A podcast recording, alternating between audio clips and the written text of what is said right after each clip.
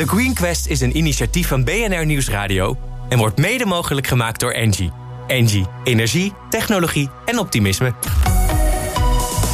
BNR Nieuwsradio. The Green Quest. Harm Edens. Hoe maken we samen een toekomstbestendige wereld? En welke innovaties in het bedrijfsleven dragen daar echt aan bij?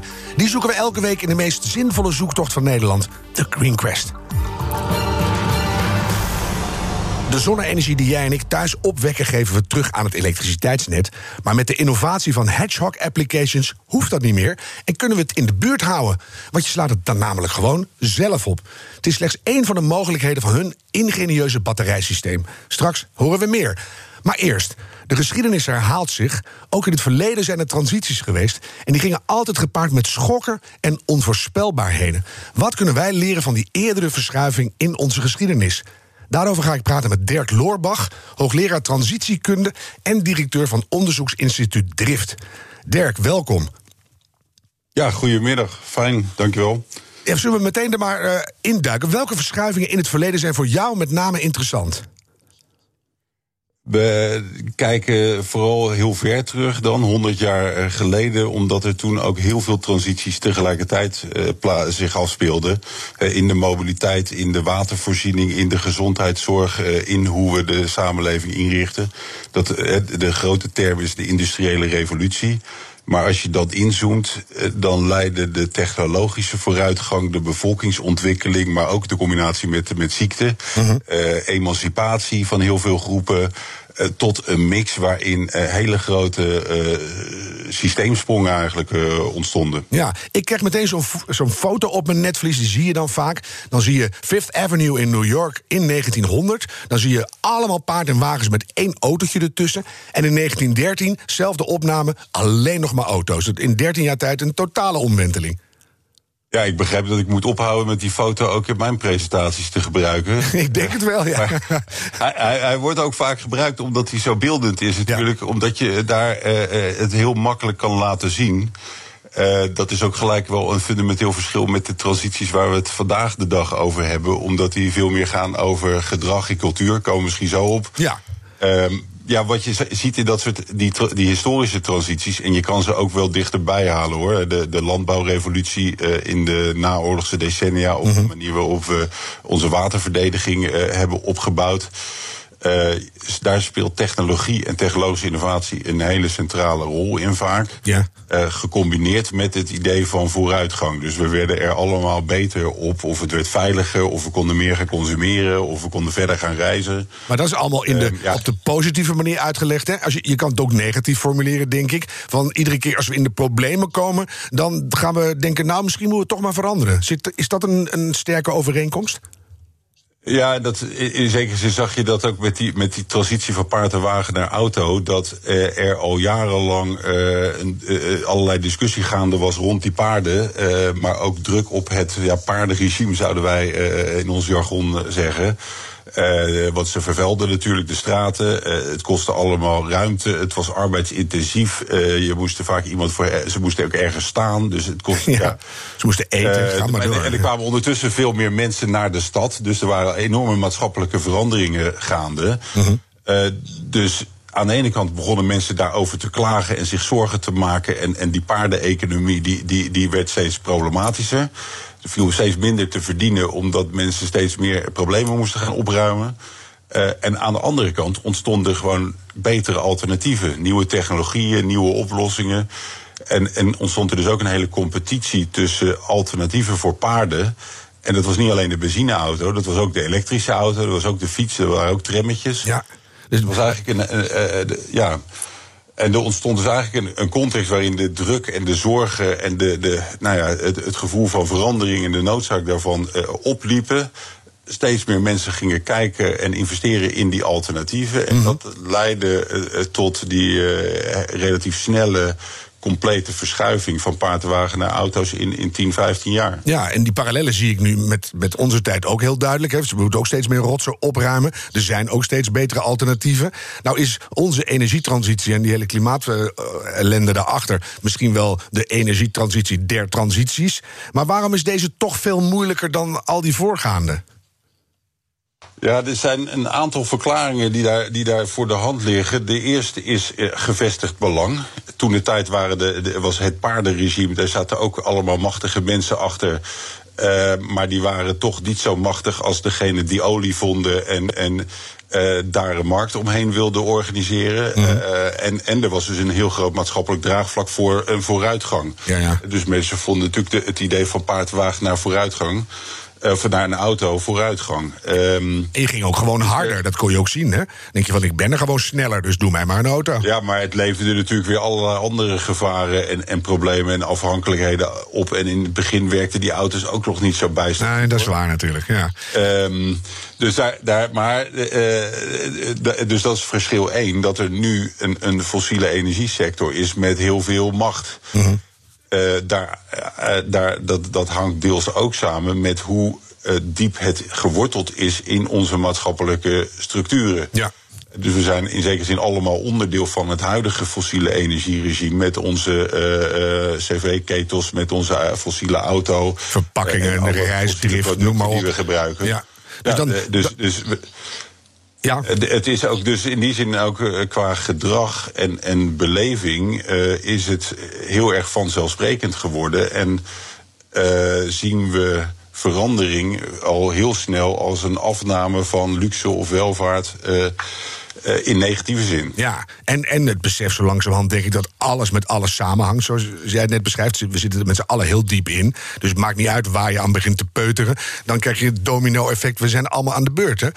Kan je toch iets leren ja. van die oude transities? Wat, wat kunnen we daar uitpakken om deze omwenteling... die zo ontzettend hard nodig is, toch echt te doen... en misschien ook nog wel te versnellen? Ja, wat je echt, echt leert is dat het eigenlijk maar heel beperkt bij overheden begint. En het, het transitie wordt eigenlijk, zeker in de eerste aanloopfase, gemaakt via de praktijk en via de uitvoering en via uh, mensen. Dat kunnen overigens ook uh, ambtenaren zijn, transformatieve ambtenaren, maar vaak zijn dat ondernemers. Klinkt bijna als een contradictie, hè? Ja, de, ja scharrelambtenaren uh, uh, doen we ze ook wel eens. Ambtenaren met een beter levenkeurmerk klinkt ook goed, ja. Ja, hm. vrij, vrije uitlopen. Ja, nee, ja, dat, is een beetje, dat, dat, zou ze tekort doen, want uh, het is he, een overheid en alle regels is vanuit ons perspectief als transitieonderzoekers heel erg onderdeel van het regime. De mm -hmm. overheid haalt natuurlijk heel veel inkomen uit fossiele consumptie en accijnzen en investeringen. En heeft allerlei regels gemaakt die, die fossiele, dat fossiele energieregime eigenlijk in stand houden. Ja. Dus een groot deel van de opgave is ook de overheid zelf transformeren. En zou het daarbij helpen? Vanuit het... Ja, we zitten met een beetje met een vertraging Nou op de lijn, dus we- daarom gaan we af en toe door elkaar heen. Wat, wat, wat wou je nog zeggen? Nou ja, wat, wat, wat we dus van het verleden leren is dat de transitiedruk aan de ene kant is van maatschappelijke problemen en steeds meer mensen die daar, zich daar zorgen over maken, dat wat ook door gaat slaan naar de politiek en, en uiteindelijk ook eh, druk op dat regime maximaal maakt. En aan de andere kant is, eh, is er het ontwikkelen van alternatieven. En dat is natuurlijk ook wat je de afgelopen jaren en de afgelopen half jaar in de versnelling ziet. Het, eh, de hoeveelheid alternatieven die concurrerend zijn en die langzamerhand ook aantoonbaar eh, vooruitgang betekenen. Hè. Ja. Ik hoorde net, je gaat straks praten over eh, samen in je buurt energie delen en opslaan. Ja, met name dat opslaan, hè? Ja. Ja, nou ja, maar dat, is onvermijdelijk dat het daarheen gaat, want de technologie wordt alleen maar goedkoper. Ehm, eh, en, en steeds meer mensen gaan ermee aan de slag. Dus het wordt ook normaler en we eh, leren steeds beter hoe we dat ook onafhankelijk kunnen organiseren. Ja, en dan gaan op een Ehm. gegeven moment de- worden de voordelen zo groot, dan kan je gewoon niet meer wegkijken. Ehm, wat ik nog dacht, Dirk, wat volgens mij ook echt onontbeerlijk is voor ons allemaal, een gedeeld toekomstperspectief. Dat we met z'n allen echt snappen, waar gaan we nou naartoe? Ja, en kijk, het grappige is dus transities uit het verleden. o- onderzoeksmatig gezien zijn het vooral processen waarin we uit evenwicht raken. Dus het, het, die, die lineaire fossiele eh, eh, samenleving die we met elkaar hebben opgebouwd met heel veel groei en, en welvaart, die is uit evenwicht aan het raken. En dat creëert heel veel onzekerheid voor mensen. Heb ik straks nog werk of een pensioen? Of Ja. of ja, waar gaat dit heen? Ehm, en wat we eh, inderdaad heel erg nodig hebben, is een gevoel van richting. En ik, ik zie zoveel innovatieve praktijken en ideeën die allemaal wijzen naar een haalbare toekomst waarbij we een economie hebben die goed is voor natuur en mensen. Ja. In de VN-context wordt het dan de Nature Positive Economy genoemd. Um, en dat is een aantrekkelijk toekomstperspectief. Dat gaat over gezondheid, dat gaat over lokaal eigendom, dat gaat over uh, toegang tot uh, in gezonde woningen leven, groene omgeving hebben, gezond werk hebben en gezond eten hebben. Ja. En dat gaat voor mij eigenlijk ook, een... ook richting een wereldbeeld dat we er überhaupt nog oppassen met al die mensen. Dat vind ik ook al een soort opluchting dat we dat gaan halen. Nou ja, dat, en dat is ook altijd een discussie. Hè, want overbevolking en de hoeveelheid bevolking is, is een, inderdaad een groot mondiaal eh, ding. Maar je mhm. ziet vooral dat het, het, toegang tot onderwijs en uh, uh, goede voorzieningen een manier is om bevolkingsgroei te stabiliseren en uiteindelijk tot min, met minder mensen te komen. Zeker.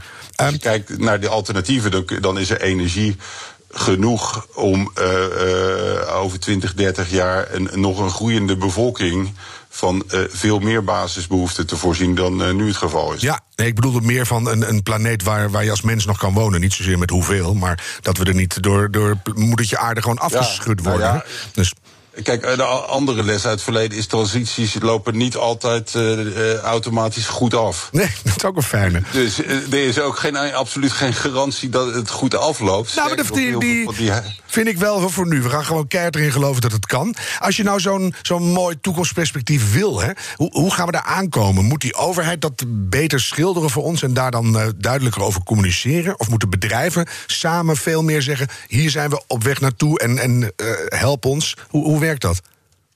Wij proberen het vanuit transitieonderzoek te stimuleren, want uiteindelijk is het iets wat maatschappelijk uh, uh, naar boven borrelt en zich uitkristalliseert. En je ziet eigenlijk nu al, uh, notabene de VVD, die, die ja. aan het opschuiven is naar links. Ja. maar je ziet het zich politiek aftekenen. De overheid moet weer een meer leidende rol krijgen. De grote thema's staan op de agenda. En maatschappelijk kristalliseren zich oplossingsrichtingen uit. Mm -hmm. En eigenlijk is er, is er de komende jaren behoefte aan een soort uh, gebundeld initiatief. En, en dat moet niet iets, iets zijn waarbij de overheid zegt: Nou, dit is het plan. Want dan gaan we weer allemaal kosten-baten discussies voeren. Ja. Uh, het, het, het moet veel meer het, het, het, mobilisatie zijn van de maatschappelijke krachten die zich inzetten voor uh, een transitie naar zo'n nature positive economy. Ja, in de categorie we gaan met z'n allen naar de maan. Dat doen we gewoon. Ja, en dat, de, de overheid noemt het tegenwoordig missiegedreven innovatiebeleid. Um, dat, dat, ja, dat is dan ook weer term. Je kan het ook over, over gewenste transities hebben. Mm -hmm. Waar het wel op neerkomt, is daar heb je een transformatieve overheid voor nodig. Dus een overheid die uh, niet alleen die maatschappelijke uh, krachten richting die gewenste transities weet te mobiliseren, maar ook de uh, gevestigde krachten in de overheid zelf en bestaande markten die eigenlijk niet goed mee willen of kunnen in die transities, uh, ja, te faciliteren eigenlijk naar de uitgang. Koud stellen of meenemen. Hè? Als ik jou diep in je hart kijk, Dirk, hoogleraar, uh, geloof jij in een positieve uitkom? Uh, daar ben ik wel altijd mee bezig. Juist omdat je vanuit het verleden leert dat de toekomst altijd te maken is. Zie je? nou, dat, eigenlijk wil ik helemaal niet meer van je weten. Want het is gewoon een, een, ik hoorde daar een verkapte ja. Klopt dat? Ja, ja. Kijk, dankjewel. Dirk Loorbach, hoogleraar transitiekunde en directeur van onderzoeksinstituut Drift. The Green Quest. Elke week zoeken we in dit programma naar de meest duurzame innovaties van Nederland. Vandaag nummer 9 in de Green Gallery, Hedgehog Applications. En hun innovatie klinkt ongeveer zo. Warmtepompen en elektrische auto's vervangen de gasketel en benzineauto. En er ontstaan steeds meer lokale aanbieders van duurzame energie. I got this feeling inside my bones. It goes electric wavy when I turn it on. Als je kijkt naar de flexibilisering, dus het opslaan van energie en het gebruik op een later moment. Oh. En wat wij doen is het leveren van batterijsystemen om deze energietransitie te versnellen. I can't stop the, I can't stop Ja, het sluit eigenlijk naadloos aan bij Dirk. Je, je kan het gewoon niet tegenhouden, Maarten Klein Gelting van Hedgehog Applications. Welkom, fijn dat je gewoon live hier in de studio bent.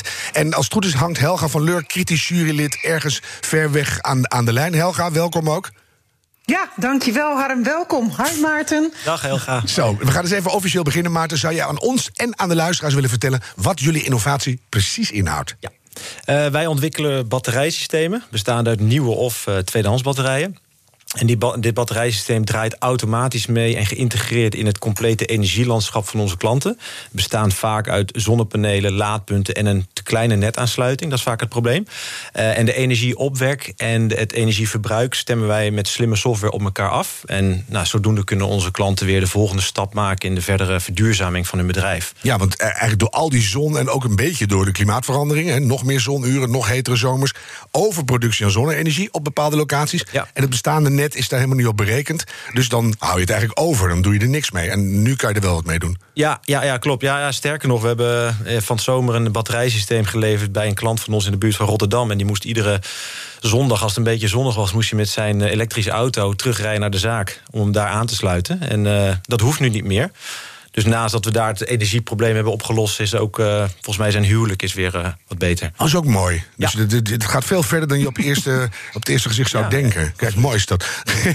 Even heel precies. Als je naar jullie innovatie kijkt, dan zie je uh, een computer, een batterij, uh, software. Wat is het nou precies? Ja, um, kijk, ba batterijsystemen die, die, die, nou, die kun je overal wel uh, kopen. Wij, wij rusten deze uit met onze speciale controllers. Ik had ze hier even meegenomen. Maar goed, ja, daar liggen een soort ouderwetse modems. Ja. Als je zo kijkt. En wij doen de, de manier waarop wij de batterijsystemen aansturen is tamelijk uniek. Wij gebruiken ervoor het protocol waarmee ook wereldwijd alle laadpalen worden aangestuurd. Aha. Dit is een heel volwassen protocol en hier zitten alle functionaliteiten Heb je zelf mede ontwikkeld of gewoon bij uh, Fastnet gehackt? Nee, nee, nee. Dit is gewoon vrij uh, beschikbaar Aha. bij de Open Charge Alliance. Is ook geschreven door een Nederlandse partij. Dus, uh, en eigenlijk is ook een batterijsysteem niet heel anders dan een lader met een auto. Alleen dan zijn er geen wielen. Dus we hebben dat ervoor gebruikt. Daarnaast zien wij met tweedehands cellen dat je wel een stukje extra veiligheid moet toevoegen. Omdat ze toch al, nou, ze zijn gebruikt. En als je ja. ze nog een keer wil inzetten, dan moet je daar even voor zorgen dat dat allemaal uh, op rolletjes gaat lopen. Gaan we zo over hebben hoe, hoe dat kan met tweedehands batterijen. Maar eerst ons popelende jurylid Helga. Jij hebt vast vragen. Ja, nee, ja, als het over zon gaat, dan sla ik natuurlijk meteen aan. Dat snap je. Kijk, en die zonne-energie in de zomer is fantastisch. Hè? Dan heb je een soort overschot. In de winter heb je een soort tekort.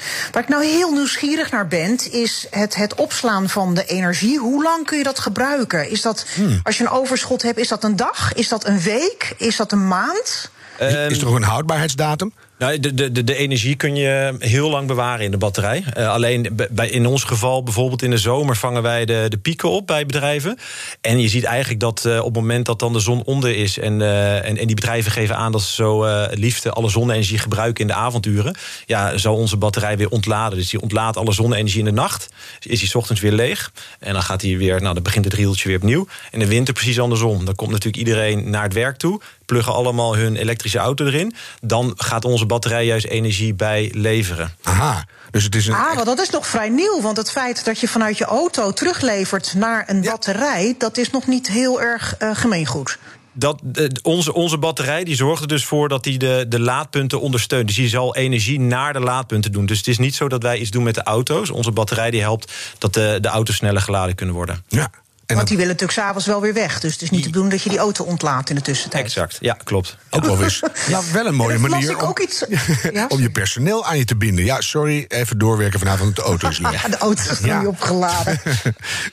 Nog een vraag, Helga. En ik las, ja, nou ja, ik las ook iets met die zonnepanelen op de site. Ik heb even jullie site bekeken en de filmpjes bekeken. Over een verhoogde opbrengst voor zonnepanelen. Die snapte ik nog niet helemaal. Kun je dat toelichten? Ja, dat kan. Uh, wat, wat, wat wij doen is dat we de, uh, de, de, zonnepanelen eigenlijk direct op de batterij aansluiten. Dus we zorgen, de, we zorgen niet voor een omvorming van, van gelijkstroom naar wisselstroom. Maar we zorgen ervoor dat de, dat de zonnepanelen dus direct de batterij laden. Ja. Uh, waardoor je de efficiëntie ook eh, verhoogt. En hoeveel scheelt het?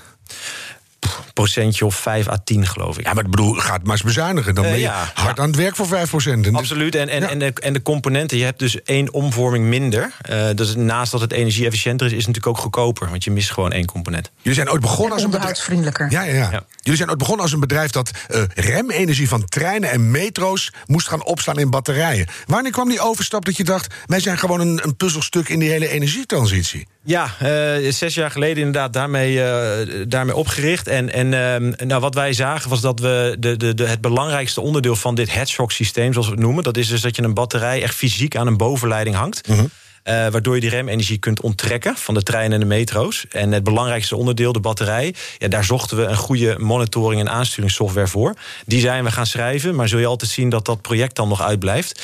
Maar gelukkig in deze energietransitie zijn er veel andere projecten die we kunnen. Dat is mooi, hè? Maakt niet uit wat je doet, er is altijd behoefte aan ergens. Klopt, en of nou een, een remmende trein is of een, of een zonnepaneel die energie levert, dat maakt dan ons niet heel veel uit. Nou wil ik het met een beetje hebben over het tweede leven van al die batterijen, maar dat wil Helga volgens mij ook. Dus vraag jij het maar, Helga. nou ja, je vertelde net al iets dat het tweede leven batterijen net een, een, een tandje ingewikkelder maakt. Uh, hoe, hoe zit dat precies? Ja, dus uh, wat wij bijvoorbeeld nu hebben bij een, een, transporteur uit het midden van het land. Uh, die hebben een aantal elektrische vrachtwagens die, die aan het eind van hun Latijn zijn. Alleen de batterijpakketten aan boord van die trucks zijn nog heel goed te gebruiken. Ik heb er hier ook twee liggen. Um, en wij bouwen die dan op. Alleen vervolgens moet je natuurlijk wel voor zorgen dat die communiceren met, met, met de netaansluiting. Mm -hmm. moet zorgen dat als een. want ze gaan daar met, met die batterijen gaan we zorgen dat hun nieuwe elektrische vrachtwagens kunnen worden snel geladen. Ja denk bijvoorbeeld als de batterij, deze batterij helemaal leeg is en de, bat, en de vrachtwagens willen met vol vermogen laden, ja, dan kan dat natuurlijk niet. Nee. Uh, dus vandaar dat we die extra laag er, uh, erop uh, bouwen. En hoe lang kan je nou met zo'n tweedehands batterij weer door? Want de automotive schrijft hem af en dan is hij eigenlijk nog goed. Ja, nou ja, in, in, in de automotive wordt eigenlijk zo'n batterij heel piekerig gebruikt. Ook best wel zwaar gebruikt. En bij ons krijgen ze eigenlijk een soort van pensioen. Dus ze worden betrekkelijk uh, licht gebruikt. En als je ze tussen de juiste vullingsgraad houdt, eigenlijk 20% en 80%. Dan gaat het eigenlijk gewoon goed. Ja. ja, mooi is dat. Dan de... Maar betekent dat qua verdienmodel dat ja, dat precies, interessant Helga. wordt? Dan zitten we lekker op één lijn. En eigenlijk, wat kost die stroom? Is dat nog te doen of wordt het dan toch weer heel duur door al dat gedoe van jullie? Nee, nee, nee dat, dat is niet heel duur. Nee, het, het gaat erom dat, dat de investering, de, zeg maar, uh, je moet het zien dat een batterijsysteem echt onderdeel wordt van je infrastructuur. Mhm. En net zoals een, dat een transformator wordt geplaatst ergens, plaatsen wij een batterijsysteem. En die kan makkelijk gewoon 15 of 20 jaar meegaan met de juiste. Kijk, dat is een mooi getal, Helga. Heb jij nog een laatste ultrakorte vraag? Uh, nou ja, jezus, ultra kort. Nee, ik heb een heel uitgebreide vraag. Nee, een hele interessante vraag. Maar dat kan helemaal want, niet meer, uh, want we zijn er bijna aan de tijd. Dus, uh. Ja, nee, maar dit is. Wacht, ho, Harm. Harm, wacht, Ja. luister. Maarten, wat ik heel graag wil weten... ehm, wat je nu doet waarschijnlijk... is het vooral uitproberen in de industrie of naar bedrijven. Wordt het ook toegankelijk voor consumenten... of bijvoorbeeld voor wijken... als we dadelijk met z'n allen van die energie... naar Precies. die transitie moeten? Absoluut. We hebben nu al een aantal consumenten die eh, gebruik maken van ons batterijsysteem. Maar je ziet dat daar de business case nog wel echt lastiger rond te rekenen is. Noem gewoon een jaartal. 2023, 2024? 2021 in woonwijken. En Nou, dan 2023, als we stoppen met salderen, dan wordt het interessant. Dan wordt het interessant. Helga blij, ik blij. Maarten Klein Gelding van Hedgehog Applications. Dankjewel voor je komst. Ehm, heeft jouw bedrijf een minstens net zo belangrijke innovatie? Meld u vandaag nog aan voor onze competitie op thegreencrest.nl. En deze aflevering terugluisteren kan via de BNR-app, of je favoriete podcastkanaal. En bedenk minstens één keer per week... die volhoudbare wereld, die maken wij samen. The Green Quest is een initiatief van BNR Nieuwsradio en wordt mede mogelijk gemaakt door Engie.